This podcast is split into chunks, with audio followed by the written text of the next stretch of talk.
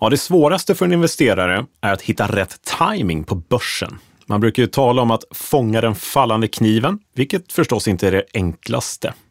Men tänk om du kunde investera på börsen och samtidigt få lite extra tid gratis till att just din marknadstro slår in. Mm. Idag pratar vi om hur du kan utnyttja flera parametrar som kan jobba för dig och ge dig ännu bättre förutsättningar att lyckas med dina investeringar. Så häng med!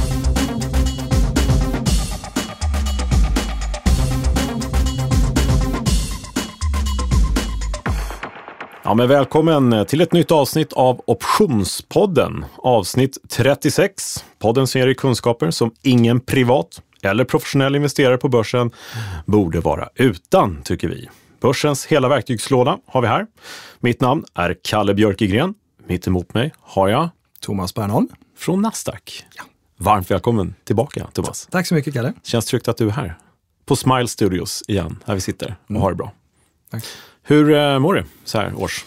Ja, så här års, det är, det är jättebra. Det är mm. väl den första egentligen sommardagen, om man får säga så, första juni. Mm, just det. För oss här och nu. Första sommardagen, ja. Det börjar ja. arta sig med mm. vädret. Mm. Och börsen är stark. All time high idag igen. Mm. Igen säger jag för att det har hänt några gånger de sista månaderna. faktiskt.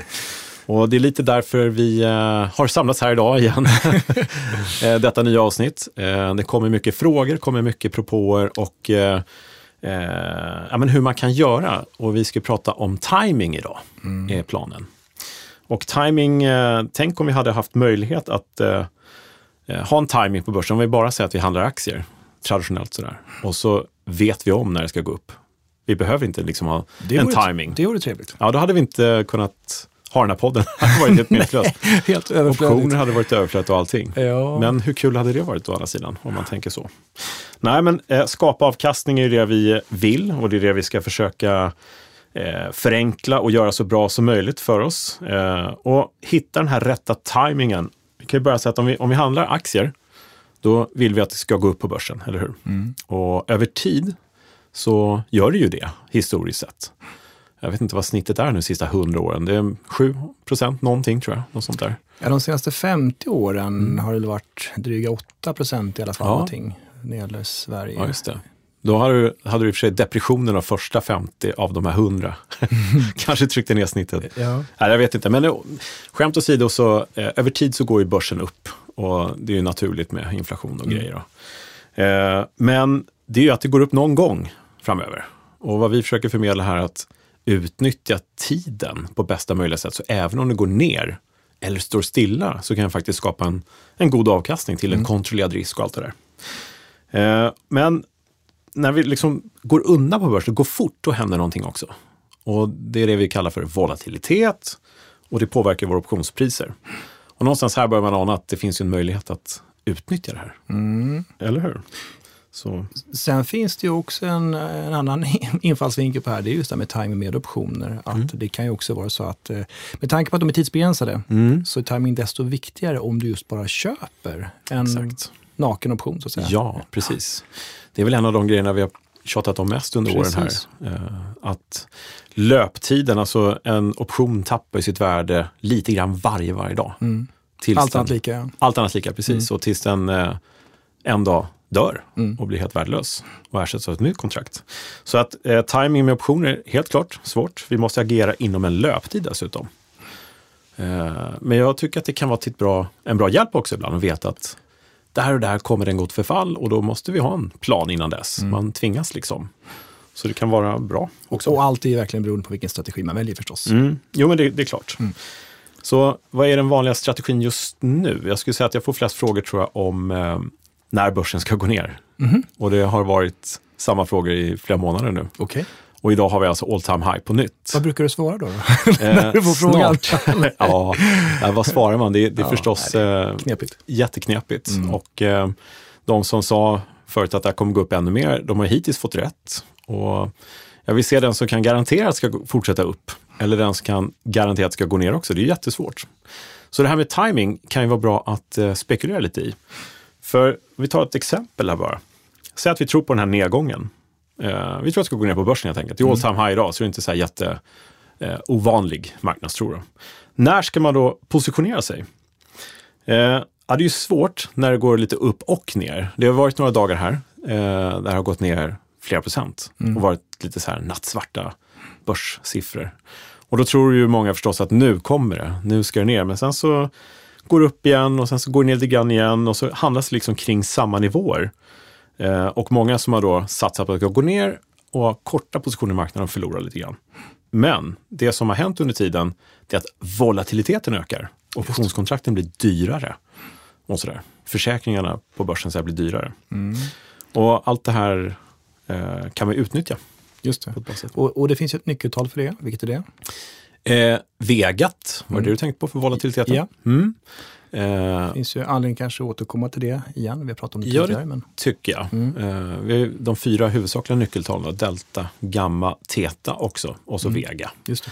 Och eh, det kan ju tyckas vara lite så svårt, hur ska vi tolka de här sakerna? Men det är ju inte så svårt faktiskt om man bara lär sig lite grundläggande. Nej, står för. Och, och vi ska väl säga det också att det har kommit en del frågor efter förra avsnittet. Du hade Mm. nöjet att ha Marcus Kristiansson här från S-banken. Just det, Och extremt användes- intressant. Ja, verkligen. Och, men då fanns det en hel del begrepp som han använde sig av. Och däribland grekerna förstås. Då. Mm. Ja, Så att vi, det är nog inte fel att vi tar upp det ibland och pratar lite mer nej, om. det tycker jag vi ska gå igenom lite grann idag Mm. faktiskt också. Eh, lite snabbt vad, vad, de, vad de innebär och hur man kan använda sig av det. Mm. För det är av naturliga skäl, eh, Marx då som market maker, han tittar på de här hela tiden. Och det kan ju faktiskt eh, privata investerare också göra Mm. eh, i sina positioner, för vad det är värt. Så att nyckeltalen eh, handlar lite grann mer fokus på just tiden här, då, som vi snackar om timing och just hur det rör sig och se hur vi kan sy ihop det här. Eh, och sen, bara för att summera liksom själva introt här som blir ganska långt idag. Verkligen ovanligt. Ja, men det är mycket intressant här att prata om. Nej, men värdet i en option, vad är det som får en premie att vara fem spänn eller sju spänn eller elva spänn kanske? Den här lilla känslighetsanalysen, vilka parametrar som påverkar, eh, kan vara väldigt bra att ha koll på. Och det är ju absolut inte svårt, men det gäller att man kanske funderar kring det lite grann. Precis. Med volatiliteten då i eh, blickfånget lite grann. Tål att upprepas. Mm. Bra. Men då har vi en del att gå igenom Ja. idag som kanske kan komma lite till nytta och gagn för våra kära lyssnare.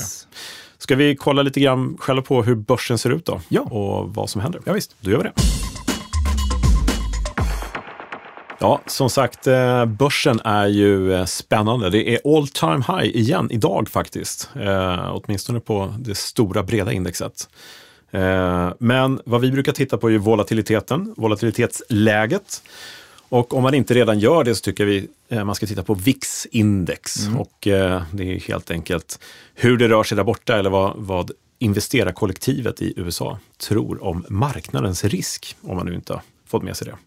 Och där brukar vi säga att 20 är ju en eh, bra, god nivå riskmässigt. 30 är lite värre och 40, ja, väldigt hög risk. Just nu handlas det till 17 cirka. 17,13 sista print jag såg.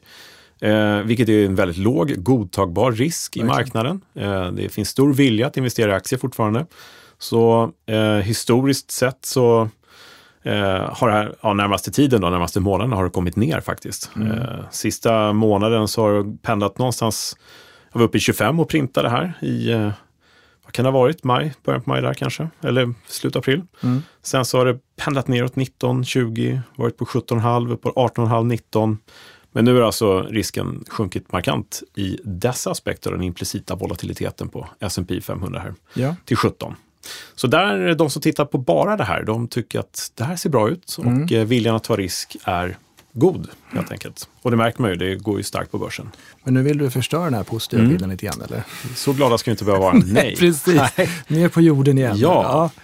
Och skew index vill vi titta på. Hur mycket är man villig att betala för nedsidan? Och eh, kan du berätta hur, hur du tolkar grafen där? Hur tycker den ser ut? Den sista. Väldigt brant Ja. uppåt. Brant uppåt, precis. Precis. Här har vi alltså den högsta noteringen, alltså stängningsnotering på skew index. Alltså den dyraste notering av nedsidesskydd på många, många månader. Absolut i år, sista Oj. ja, jag har inte till och med his- historik för att se, men vi har alltså skew index som har printat över 155, där 140-nivån är ganska hög, där vi har pendlat kring 145. Så det här behöver inte betyda att det ska rasa. Det behöver Nej. inte betyda, eh, det kan vara en tillfällig print, det kan vara en, eh, en, sån här, en rullning kan det vara, som Mm. gör att man har betalat upp för man måste ha nedsidesskydd eh, där Ja. borta. Okej. Eh, Det finns lite olika saker, men det faktum att man faktiskt har betalt ändå, så betyder det att här har man lagt ner, nu då, då mycket eh, premium. Mycket pengar på premium på nedsidan Bara att faktiskt. försäkra sig. Ja, och eh, då ska vi tänka på att eh, at the money-risken då som VIX indikerar inte rört sig nämnvärt mycket neråt. Eh, utan den ligger kvar på ungefär samma. Så att det här är, ja, man skulle kunna tolka det som en eh, eh, stor rörelse som kan vara bra att hålla koll på här.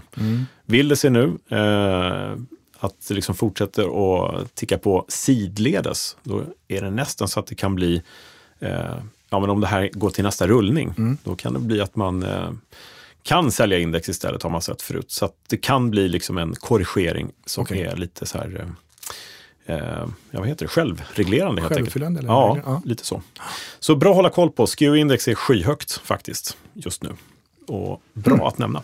Det var en väldigt brant kurva som Mm, sagt. faktiskt. Eh, våra egna index, vi kan ta vårt eget OMX S30-index. Eh, här har vi då en historisk volatilitet som har stigit iväg lite grann. Eh, det har ju varit lite rader, ras. Det har varit några intradag-rörelser neråt här. Mm. Hyfsat Då- stora rörelser. Ja, det har ju varit det. Ja. Så sista 30 dagarna så har vi eh, 20 procent, drygt 20,5 procent historiskt rört sig. Eh, Medan den implicita volatiliteten kommit ner även här. Risken är väldigt, väldigt låg i investerares eh, värdering och den är på 14,9. Så vi har en eh, ganska låg edge, minus 5,6 procent här. Okej. Eh, vilket betyder att investerarkollektivet investerar då i en lägre kommande risk närmsta tiden.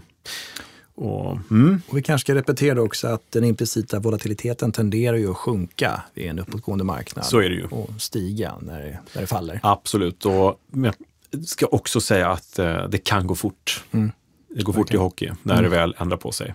Men det är bra att få den här indikationen ändå att eh, riskviljan är hög och liksom värderingen av risk är väldigt låg i marknaden.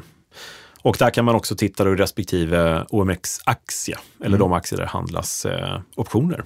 Kan man också läsa av den implicita bollen. Och det här finns så vanligt på din blogg. Jajamensan, där kan man gå in och titta. Yes. Mm. Bra. Så att eh, det är lite snabbt om marknaden. Det är alltså fortsatt hög värdering över börserna och det är fortfarande låg risk över liksom, kollektivet i hur de tänker. Men viljan att skydda sig för den branta nedgången, den har sällan varit högre än vad den är just nu i alla fall. Okej, Summa summarum. Men du, eh, från börsen och från eh, här, ska vi gå då till lite huvudtema, hur vi ska få in tajmingen i allt det här. Och se hur vi faktiskt kan tajma in en eventuell nedgång, hur man kan göra på bästa sätt. Yes. Mm, då gör vi det.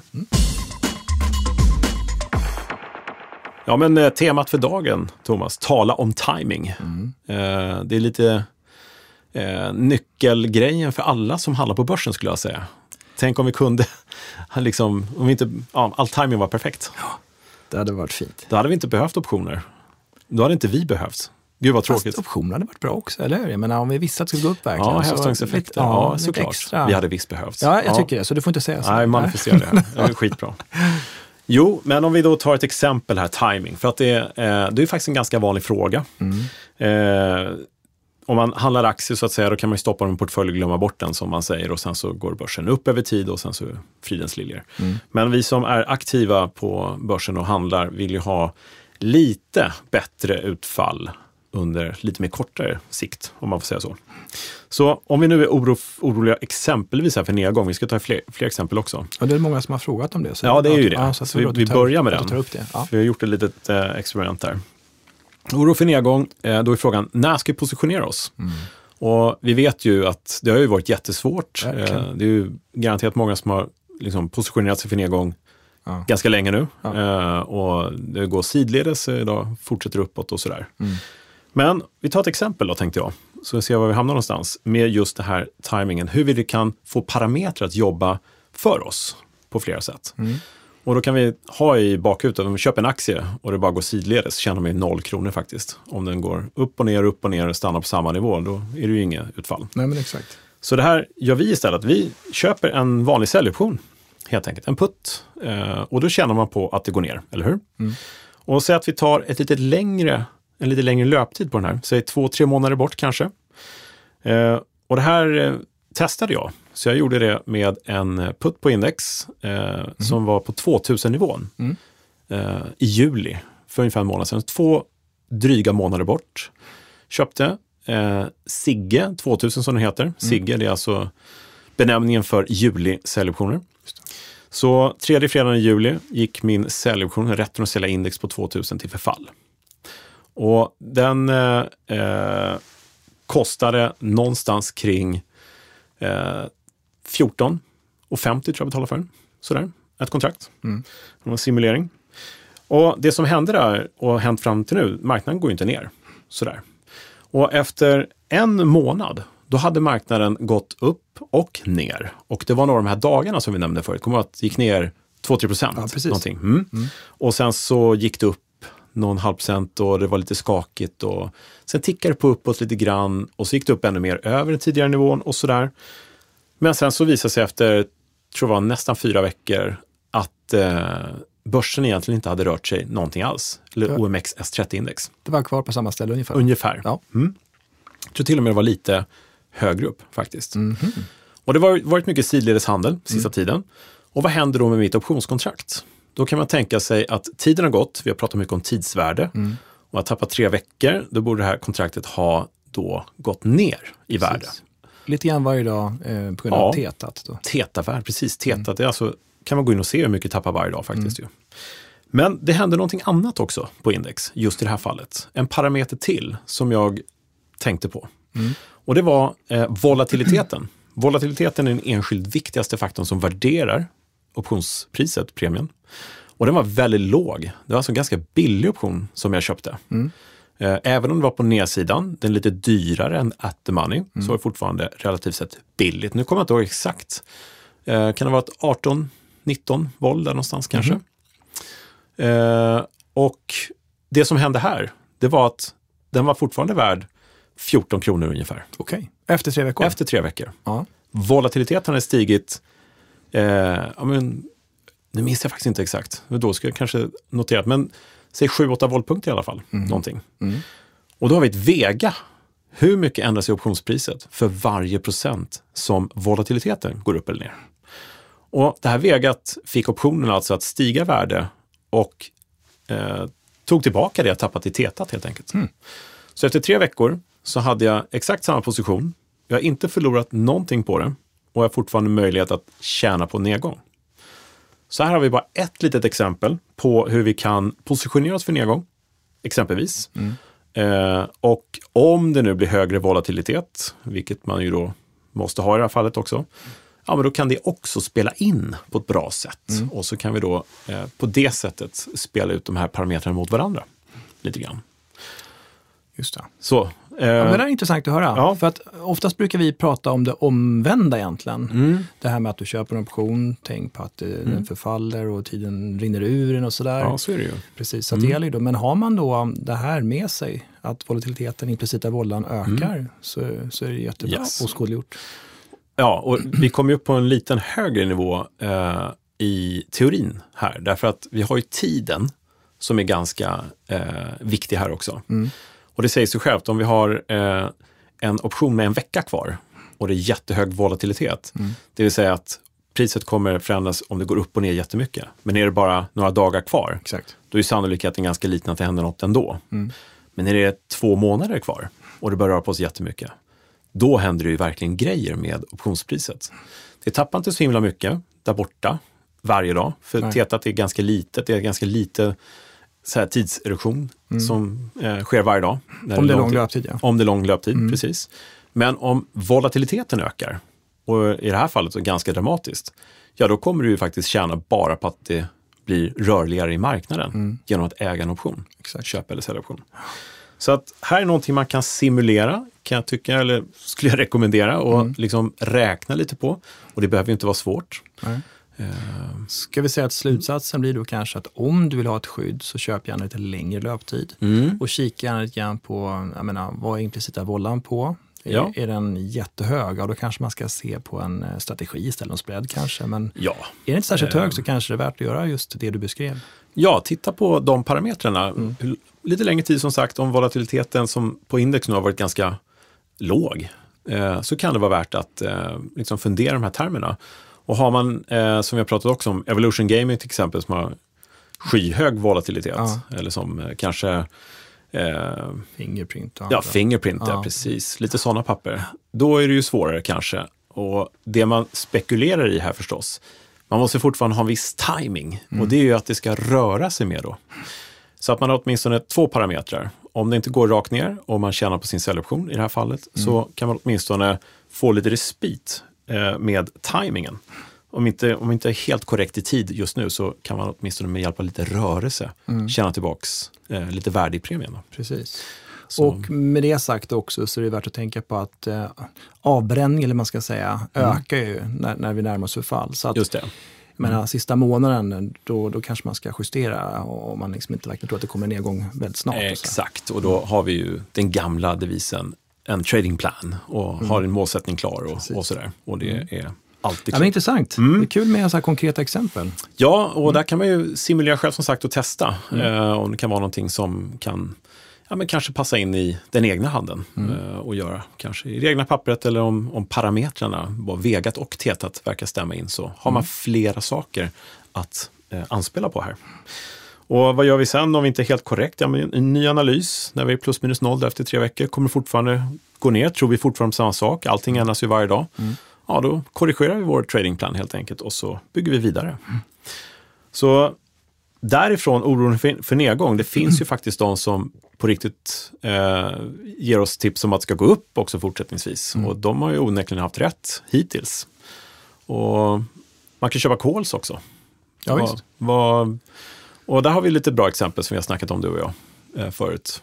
Ja, Man, eh, självklart om det ska gå upp så kan vi köpa en, en call bara. En vanlig köpoption. Och precis som man köper en säljoption så eh, det är samma sak där, tidserosion och så vidare. Men man behöver ju inte stanna där riktigt. Nej men precis, utan man, man skulle kunna köra en kolspread och det har varit inne på Mm. eh, lite tidigare avsnitt också. Så att man inte behöver lägga ut så mycket pengar och Nej. att man sänker alltså, tidsvärds, tidsvärdeserosionen Ja, liksom, grann för att man säljer något. Ja, Och även såklart insatsen. ja precis. Så det, det är väldigt lämpligt förstås. Ja, det finns ju fler sätt. eh, Det, det kommer jag ihåg eh, när vi berättade om det. Berättade skillnaden mellan att köpa en call och en call spread. Har ju också med lite timing att göra. Eh, Om du köper en call, eh, köpoption, då vill man gärna ha den här hävstångseffekten. Det är ju lite roligt, den går upp hur många 100% som helst. Men det är ju inte sannolikt. Eh, Så köper du en call, då borde du ha en stark rörelse uppåt då. Eh, Gärna nu och gärna så mycket som möjligt. Och om det tar tid, om du har fel timing när du äger bara en call, en köpoption, ja då kommer du nog tappa ganska mycket värde i den här köpoptionen. Precis. Och det blir allt mindre sannolikt att det går bra.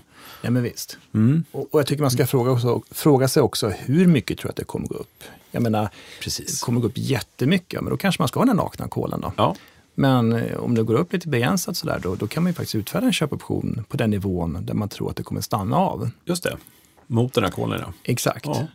Men kolspreaden är ju bra också. Man behöver ju inte etablera den direkt så att säga. Du kan ju vara, så- vi pratar ju timing nu. Mm. Säg att vi köper den här kolen och så går det upp ordentligt eh, och det går bra. Men så tycker man så här, ja, är det rätt tillfälle att gå ur nu? man kanske precis. inte vill sälja kolen, Nej. men man kanske vill låsa in lite vinst. Och då Ja. kan du etablera kolspreaden i efterhand genom att sälja en köpoption en bit upp. Mm. Och så har du en kolspread där. Just Då det. kanske du till och med fått tillbaka så mycket pengar som du betalade för den innehavda kolen. Precis. Och Det- sen bara väntar du på en kanske lite lugnare, en fortsatt uppgång. Så Ja. det är jättebra. Det är bra, man eh, säkrar sig lite helt Ja, enkelt. så verkligen. att du tjänar lite pengar på din call. Men du kanske inte har nått riktigt målsättningen, men känner att timingen inte var hundraprocentig. Ja, då säljer du en call lite högre upp. Ja, Och då, ja, det är ju perfekt. ja och som du vet så har jag en favoritstrategi också, ratio mot innehav. Ja, så det är så att du har ett den, innehav också, utöver det här, så kan du kanske sälja ytterligare någon kol. Ja. Om du verkligen tror att nej, det kommer inte gå dit upp. Sådär. Nej. Så kan man göra det också. Det kan man göra in också, lite ja. mer pengar. Mm. Men det är klart, det omvända kan ju också hända. Du köper din kol och sen går det faktiskt åt fel håll. Det går ner. Och, men ändå har du kanske en tro, men alltså, det borde vända uppåt här nu. Och hur, hur kan man tänka då, då tro? Ja, Ja, menar, antingen kan vi bara kliva ur och, och menar, vänta och gå in lite senare och sådär. Men säg att du köper kolen då som sagt, det går ner i värde. Då kanske du väljer att sälja den kolen yes. och sälja ytterligare, alltså dubbelt så många calls. Så du nettar du det helt och sen så säljer du ytterligare en. Så Ja, kort sätt, sätt att du köpt 10 kontrakt. Ja. Säljer du 20 kontrakt så är det kort 10. ja, just det. Men för de pengar du får in då så köper du en call lite längre ner. Just det. Då har alltså etablerat en call-spread i efterhand. Mm. Då har du fortfarande chansen att vara med på en uppgång. Ja. Men den börjar lite tidigare för det har gått ner lite grann. Den innehavda striken hamnar ju längre ner. Just det. Så kan man göra också. Då är du Ja. fortsatt med. Eh, Ja, det är lite som vi pratade om förra, eller för något avsnitt sedan, lego. Ja, Jag bygger lite lego här. precis. Ja, nej men eh, det här eh, kan ju tyckas då när man sitter och lyssnar i radio, eller säga podd, eh, lite svårt att se nivåer och sånt där. Men Mm. det här är ju definitivt någonting man ska rita upp på ett papper eller Excel eller någonting och se effekterna. Mm. Sådär. Vad kan man göra? Eh, jag tror många fastnar ofta vid eh, det här eh, uppföljningen. Vad kan man göra? Nu har jag köpt en kol, ja, Mm. då kan man inte göra någonting mer. Jo, självklart kan du det. Exakt. Det, det gäller att vara påhittig där, Ja. kreativ. Och handen på hjärtat, hur ofta har vi klockren timing i våra bets? Nej, men det är jättesvårt ju. Och, och det Ja, är det är ju nästan det. så att man behöver inte sträva efter det, utan etablera lite mer förlåtande strategier. Ja.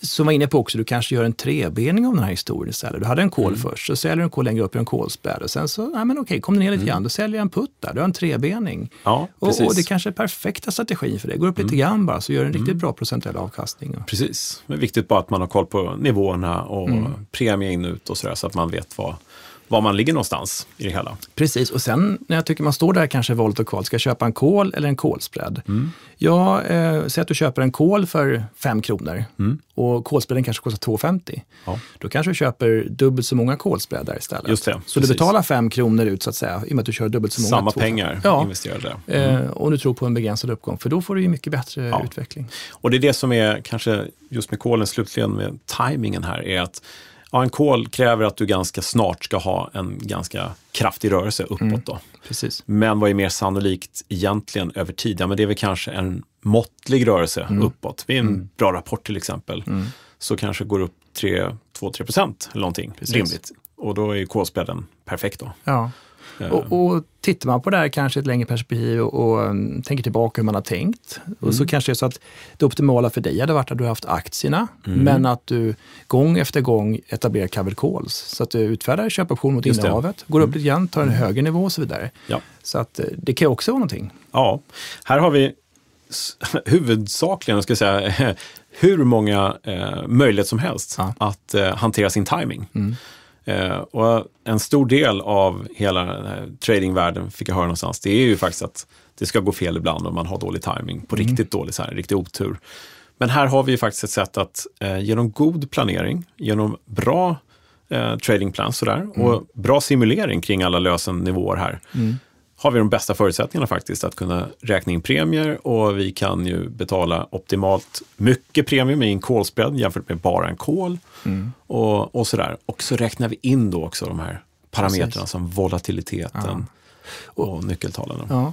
Och jag gillar det du sa där, att man ska vara påhittig och inte låsa sig vid någonting. Det är nästan Nej. så att jag skulle rekommendera att man har en lista med låt säga fem eller rent av tio stycken HÅS-strategier eller positiva strategier. Ja, Och så bara tittar man. Är call det här för mig nu? Är det en köpt call? Är det Ja. en call-spread? Är det en trebening? Är det en ratio-spread? Är det en såld put? Är det en, Yes. alltså, så man verkligen Ja. går igenom, vad passar mig bäst nu? yes. Och så håller man ett öga på volatiliteten också implicita. ja, och vilken tid man har Precis. liksom i sin åtanke till förfogande. Sådär. Ja, och lika som man tänker kanske en tidsspread, kalenderspread. Ja. Man kanske köper en lång call som du var inne på. Mm.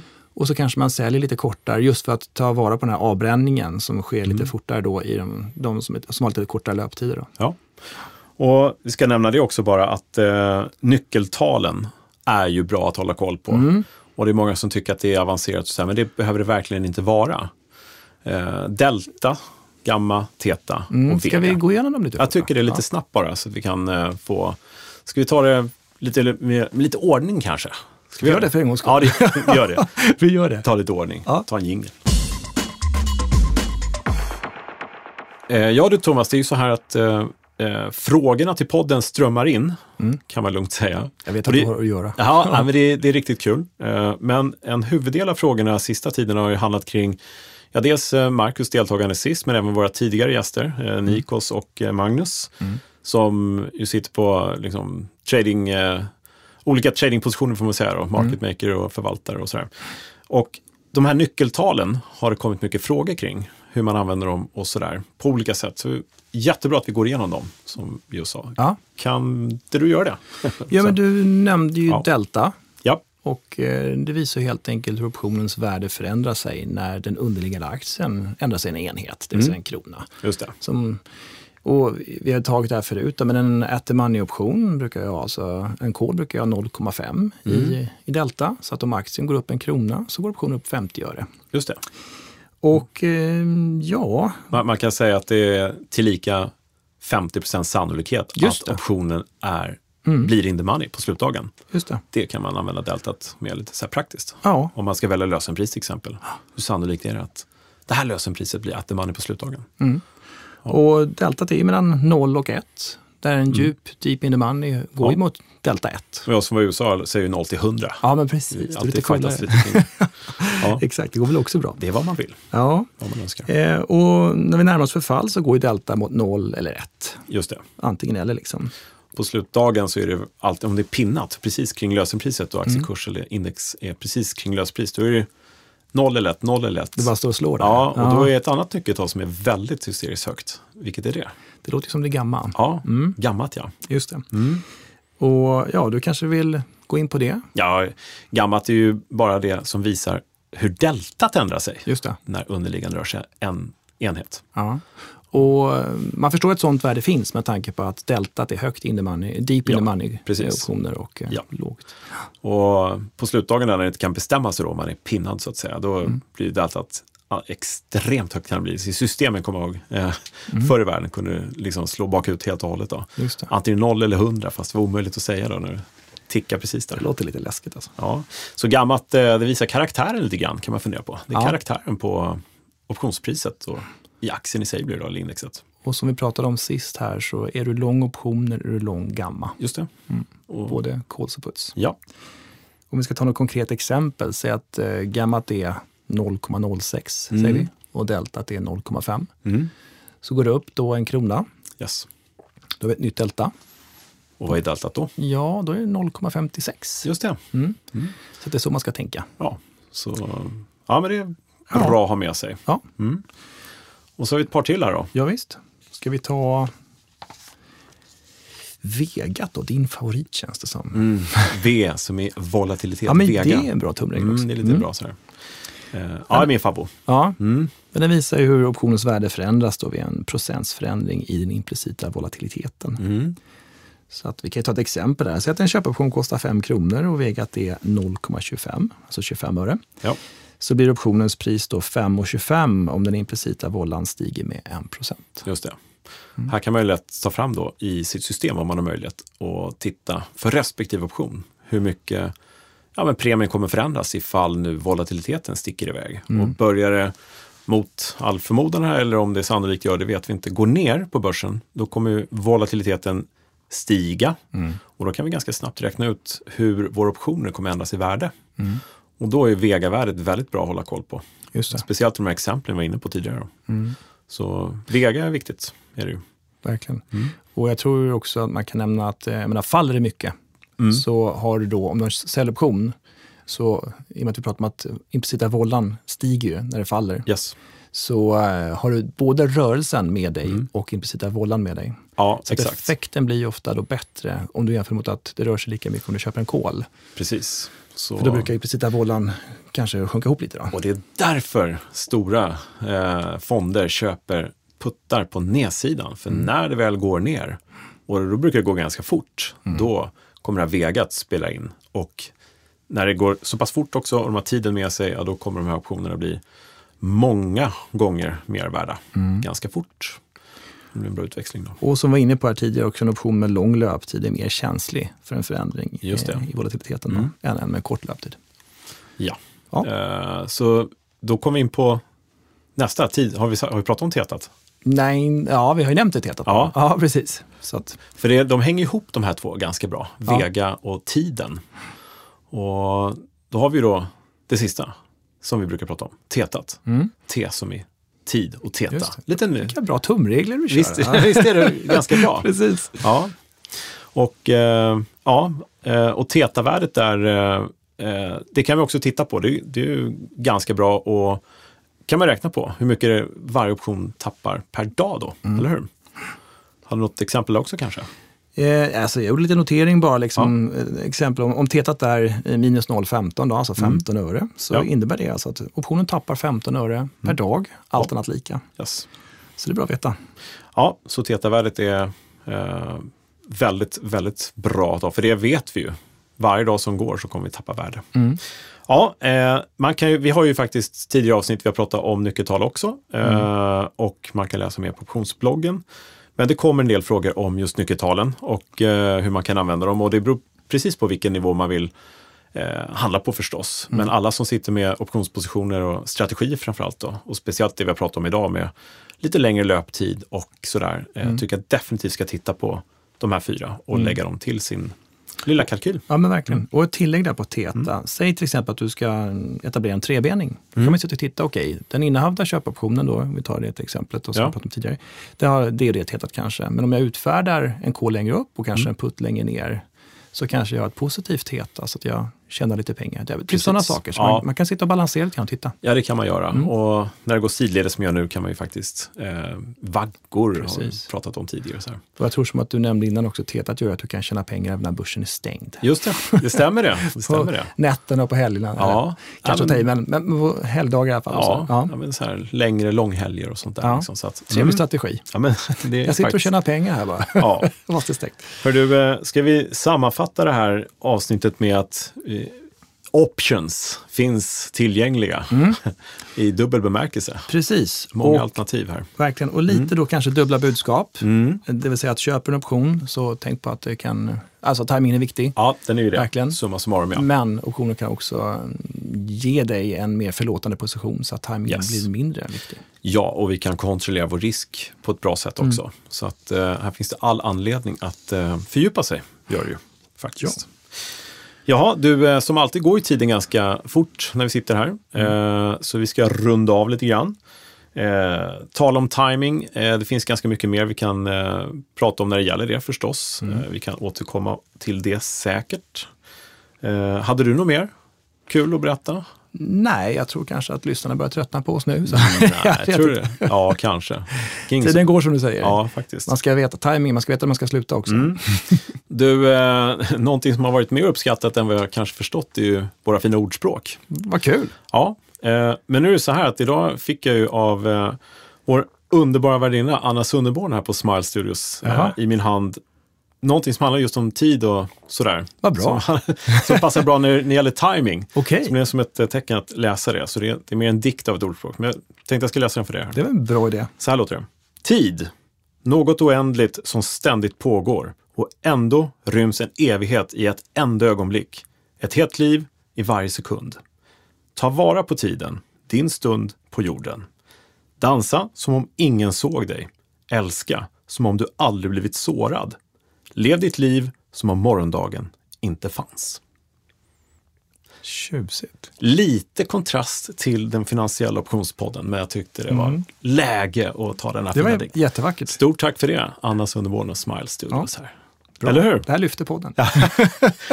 Sitter folk kanske och tar till sig Ja. och mår bra av. Vi får börja med lite fler dikter tror jag. Ja, det kommer från en helt behövs ny, ibland. ny lyssnarskara här. Men du, eh, eh, det är väl dags att runda av i övrigt och tacka för idag. Tiden går ju som Ja. alltid alldeles för fort. Yes. Eh, som vanligt finns det mer att läsa optionspodden. Optionsbloggen ska jag säga, .se. Mm. Men optionspodden.se tidigare avsnitt kan man gå in och lyssna på. Twitter, att se Björkegren och ja, optionskurs.nu om man inte har tittat in där och Mm. får en liten gratis kurs i optioner. Optionsplay.se också. Just det, Mm. eh, fint verktyg om man vill kunna simulera och Och vi pratade om Delta precis. Mm. En ny funktion är att man kan se delta på respektive strike i den sen någon vecka också. Ja, härligt. Logga in och kika. Mm. Det händer grejer, bra Ja, grejer. lite utveckling på gång. Ja. Men du, eh, då säger vi tack för idag och så ser vi fram emot att ses snart igen helt enkelt. Tack så mycket. Super, tack. Hej. Tjena.